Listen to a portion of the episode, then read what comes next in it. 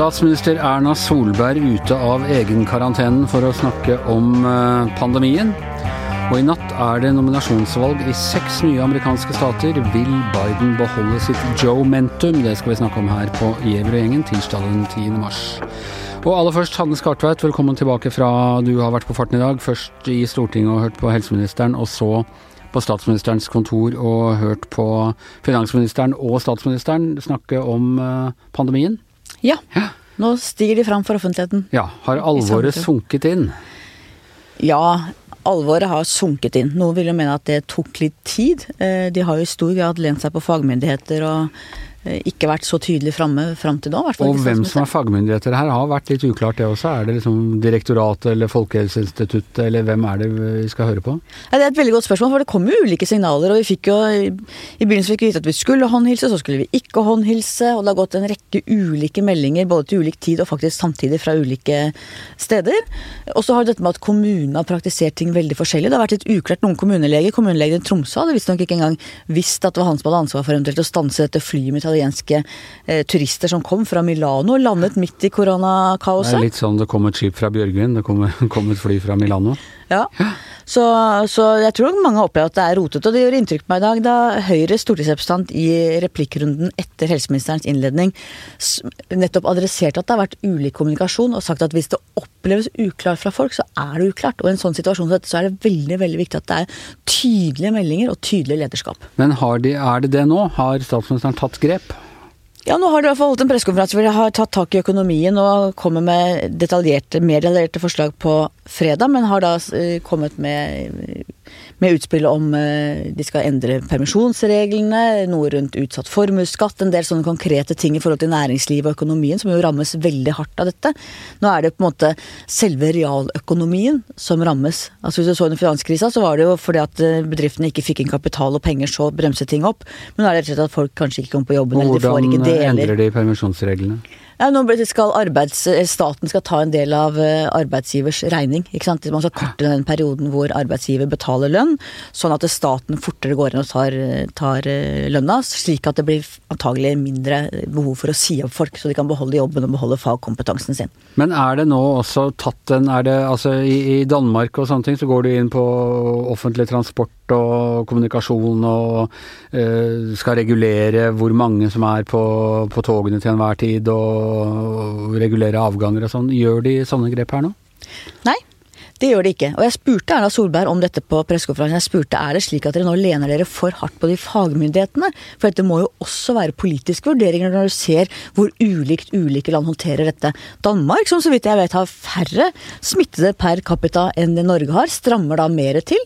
Betyr det at det er andre, at fagmyndighetene vurderer annerledes, eller betyr det at lederne vurderer at de må ta grep utover det fagmyndighetene anbefaler? Eh, så jeg syns det er veldig rart at de er såpass vage i forhold til hva de selv mener dere tar såpass lite grep rundt hva som konkret skal gjøres. Vi hørte også helseministeren i, Stortinget i dag som var opptatt av at du må ikke komme for fort med konkrete tiltak som er for stramme, fordi at da risikerer at folk, før det er nødvendig, for da risikerer at folk eh, ikke helt stoler på det når det virkelig blir nødvendig med stramme tiltak. Hmm. Eh, det er et resonnement som kanskje Det er et merkelig tidspunkt å si det på, vil jeg si. Fra en helseminister som ikke har, åpenbart har vært totalt uforberedt på at det kunne bli pandemi. Ja, og det som, ja, det er enig. Og det som også er alvorlig, at det, eh, som ble adressert i Stortinget, vi mangler medisiner, vi mangler utstyr, har ikke nok testutstyr. Eh, og veldig mye av disse, både medisinene og utstyret, produseres jo f.eks. i Kina og en del andre eh, asiatiske land, som nå har enten stoppa produksjon eller stoppa eksport. Og veldig mange av de landene som produserer dette, vil jo holde det tilbake til sine egne innbyggere. Så at man ikke ikke har bygget opp større lager av disse tingene. Når vi veit, altså alle varsler eh, i mange år har man snakket om at det som virkelig er den ukjente X-en i trusselbildet, er hvis det kommer en epidemi eller en pandemi enda verre. Og det er jo det, det har vært den mest sannsynlige eh, stått på lista som, til Direktoratet for sivilt beredskap som den mest sannsynlige trussel, eller at det er, det er mer snakk om når enn hvordan? Ja, så igjen er vi i et spørsmål hvor, hvor vi må spørre oss er, har myndighetene hatt god nok beredskap? Dette er annen type beredskap enn det vi har snakket om tidligere, beredskap mot terror, den type ting. Nå er det, har man hatt en god nok beredskap i forhold til en sånn epidemi, som man visste at på et eller annet tidspunkt, man visste ikke når, men på et eller annet tidspunkt så ville dette ramme oss. Og nå ser vi at det er i ferd med å bli en global pandemi. Og hvis myndighetene våre da ikke har bygget opp beredskap god nok, så er det en skandale. Ja, men Vi hadde, kjørte jo i podkasten på fredag med, med Thomas Giertsen et uh, klipp med Høie fra forrige tirsdag, tror jeg det er, hvor han blir konfrontert med akkurat dette du sier nå. At uh, hvorfor har man ikke da beredskap og utstyr og sånt klart? Så sier han har man ikke tenkt på at det kunne skje? Jo, man har tenkt på det, men det er nå situasjonen er her, så nå må vi se hva vi kan klare å produsere selv av smittevernutstyr. Og det virka helt totalt sånn Nygårdsvold 1940, altså. Ja. Og vi hadde jo en leder nå denne uka her som rett og slett eh, handlet om dette er koronaen kom på Ernas vakt. Mm. Nå må hun vise at hun kan lede oss gjennom en krise. Og ja. jeg mener at det er litt tidlig å felle den dommen nå på om de har levert eller ikke. Men er anslaget her godt nok nå? Nei, det er det ikke. Nei. Det er det ikke. Og når, når, må hun Hvor lang frist har hun på seg nå til å eh, ta et ordentlig grep? Og fortelle hva hun skal gjøre. Sånn gjør vi det med offentlig kommunikasjon, sånn gjør vi det med transport, sånn gjør vi det med store arrangementer. Nå uttaler jeg meg som legperson, selvfølgelig, ja. men jeg syns jo eh, altså Det vi leser, er jo at dette sprer seg fort. At det, så lenge man er der at man kan tilbakeføre all smitten til et sted, ikke sant, si at det kommer fra utlandet eller noen som har snakk, kontakt med utlandet man, Så lenge man har smittede man kan spore tilbake, så har man en slags kontroll.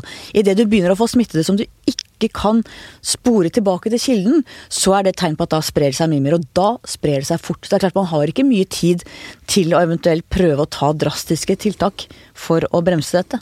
Per Olav Ødegaard, du har jo fulgt med på Kina. Der ser det jo nå ut som om de har fått kontroll. Jeg vet ikke om det er kinesisk propaganda eller om det er eh, reelt? Ja. Vi skal jo alltid ta i betraktning kinesisk propaganda, og de sier at seieren er nær eh, når det gjelder kampen mot eh, korona. Og som et tegn på det, så dro jo president Xi eh, til Wuhan, som jo var det, den timillionersbyen der utbruddet startet. Arnestedet for dette her. Men at han gjør det, er jo også et uttrykk for at de regner med at situasjonen er såpass under kontroll. Og det ble i dag rapportert om bare 19 nye tilfeller i hele Kina. og 17 av de var der i Wuhan distriktet. Um, men det er jo veldig veldig lavt da, i forhold til det som har vært tallene tidligere. Kina er jo det landet som har desidert flest smittede til nå, og også det høyeste tallet med døde. Men nå ser det da ut som om den trenden er snudd.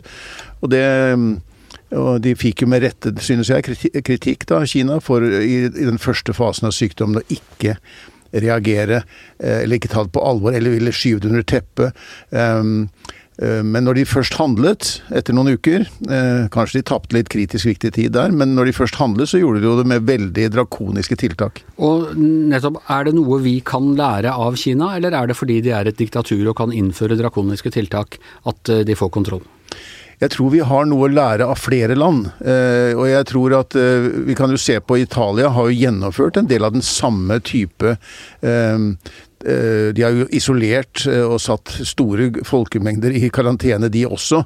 I et demokrati er det også mulig å foreta den type ganske drastiske handlinger. Og så ser vi sånne land som Sør-Korea, hvor de er et av de landene som har, fikk flest tilfeller tidlig. Men der har de også nå registrert de mye lavere antall med smittede. De mener at de er over smittetoppen. Og der er eksempelet at de har et veldig godt utbygget helsevesen, og de har veldig utbredt testing. Altså I Sør-Korea har de gjennomført 200 000 tester. I USA har de knapt 4000, eller kanskje vel 4, rundt 4000. Det sier noe om et land som er At de er forberedt på disse tingene. Ja, Vi må si noe om det også. For om eh, Erna Solberg uh, har, har vært litt slapp her, så er det jo ingenting mot Donald Trump. Uh, Donald Trump som nå kanskje til og med altså, teoretisk sett kan være smittet, fordi han har vært på fly med folk som nå har måttet sette seg selv i, Til og med håndhils på noen. Håndhils på, noe han ikke er noe glad i, vet vi fra før av, for han er redd for bakterier. Og, og, med folk som da er satt i, i selvkarantene. Han har vært i fullstendig sånn fornektelse Eh, på alvoret i situasjonen. Han motsier sitt e sine egne helsetopper. Han legger skylden på alle fra Obama til fake news-media. Eh, de ligger langt etter på testingen og registreringen. Og er USA nå en potensiell bombe for eh, spredning av viruset? Ja, det tror jeg virkelig. Det er nok langt høyere tall enn det som er registrert på smittede så langt. Og noe av det skyldes at det er så at For det første at det er gått tom for smitteutstyr i flere delstater. Og for det andre at det er ikke noe godt nok system for det. Og det er um, i det landet som jo egentlig bruker mest på helsevesen i verden, men det er bare at det er så ulikt fordelt mellom de samfunnsgruppene, så, er, så klarer de ikke å levere på dette. Og her får de merke hva, hva det vil kunne si at man ikke at ikke alle har lik rett til uh, helsevesenet. For her, altså Nå er alle bare så godt forsikra som den som er dårligst forsikra rundt dem. Ja, pluss at nå får vi virkelig se eh, enda en gang gleden ved å ha en velferdsstat. fordi at eh, I USA så vil du jo heller ikke få sykepenger hvis du må være hjemme fra jobben. Hvilket betyr antagelig at de som har dårlig råd, selv om de kjenner seg dårlig eller kanskje til og med er syke, så vil de ikke ha råd til å være hjemme fra jobben, som jo også er en enorm smittekilde. Ja, det ligger dypt i kulturen der at du skal gå på jobb selv om du er litt snufsete og har litt vondt i, uh, vondt i hodet. Ja, og nå, nå, kommer det jo en slags tiltakspakke, da. Antagelig nå, nå skal jo da Det hvite hus i møter med Kongressen i dag, og det vil eh, antagelig komme noen nye utspill. Det er nok mest for å kanskje roe de økonomiske markedene etter den der forferdelige dagen i går på Wall Street. Men det er jo et grunnleggende problem når du har den øverste leder som altså starter med å bagatellisere det hele, og så skyver ansvaret over på alle andre, og så for det tredje er veldig opptatt av å skryte av seg selv oppi alt dette. Ja, og en onkel som han hadde som var på MIT eller noe sånt, som hadde, ja, var professor og var et slags geni, og det nærmest han, smittet over. Han, skal, han, er jo selv et universalgeni, ser det ut som, da, i sine egne øyne. Eh, vi må ta da noen minutter. Det er I kveld så er det, eller i natt, norsk tid, så er det eh, nominasjonsvalg for demokratene i en rekke amerikanske stater. Eh, situasjonen ser helt annerledes ut nå enn den gjorde tirsdag for en uke siden, som var supertirsdag. Nå er det sånn minisupertirsdag med, med sju stater. Eh, deriblant Michigan, som vel er den, eh, er, den store pinjataen i denne omgangen, Per. Ja, det er jo litt rart, Anders, når du reiste over eh, for uh, like før supertirsdag. Halvannen uke siden. Ja, da var det jo fortsatt sånn at eh, Bernie Sanders lå veldig godt an til å bli demokratisk kandidat. Ja, jeg trodde det da, at mm. det var det som skulle skje. Og så gjorde Biden det enda bedre i South Carolina enn vi hadde trodd. Men det var jo ikke uventet at han skulle gjøre det godt der. Nei, men, seiersmarginen var kanskje litt større. Men det har skjedd noe veldig interessant i eh, massepsykologien til demokratene på et eller annet tidspunkt. Da han gjorde det godt der, så var det som om de Alt det vi har snakket om at å, ja, de klarer ikke å forene seg med en kandidat, og de kommer til å sprike, og dette kommer til å gå hele veien til landsmøtet. Alt det ble gjort til skamme. Eh, de to, altså Klobuchar og Buttigieg, bare kaster kortene, legger sin støtte bak eh, eh Biden, eh, og, og det virker som om alle de tingene som vi eh, såkalte eksperter eh, har trukket fram av hans svakheter, det virker ikke som det ikke gjør inntrykk på velgerne i det hele tatt. Jeg vil tro at de har lært, Demokratene har lært av republikanerne, hvor de ikke klarte å samle seg i møte med Trump og var sikre på at han ikke skulle vinne. Så det er en ganske god lærdom å si at ok, hvis ikke de nå stiller seg bak den mest sannsynlige som kan slå først Sanders og så Trump, så taper de. Men, men, det er samtidig interessant at det bare plutselig skjer. For det er jo altså eh, dette, De har jo ikke partidisiplin på samme måte som vi har eh, i Europa. Eh, du har ikke en partiledelse på den måten. Du har ikke mulighet til å Du har ikke en Håkon Lie som kaller inn folk og skjeller dem ut på bakrommet og disiplinerer dem. Det, dette har på en måte oppstått som en, en, et massefenomen. Ja, og jeg tenker at det handler om at det er ganske smarte folk som tar ansvar for nasjonens framtid, for å være litt eh. For det er jo det de på en måte har gjort. Hadde de ikke gjort dette, så kunne du fått den samme oppsplittinga blant demokratene som gjorde at Sanders faktisk ble valgt, og du ville fått en veldig veldig polarisert valgkamp. Men hva... husker når, når, denne valgkampen startet, så så man jo på Joe Biden som kanskje den mest sannsynlige eh, kandidaten. Han var den som var best kjent. Men det ble man litt bekymret for? Ja, man, litt, man tenkte at har, ikke, har, vi ikke noe fornyelse? Er det ikke noe for, på tide med en fornyelse i partiet? Er det ikke noen nye krefter som bør Kan man slå Trump? Han er liksom ja. litt surrete. Alle disse spørsmålene ble stilt, men det var jo tross alt han som da lå best an i meningsmålingene. Mye, mye pga. at alle visste hvem han var.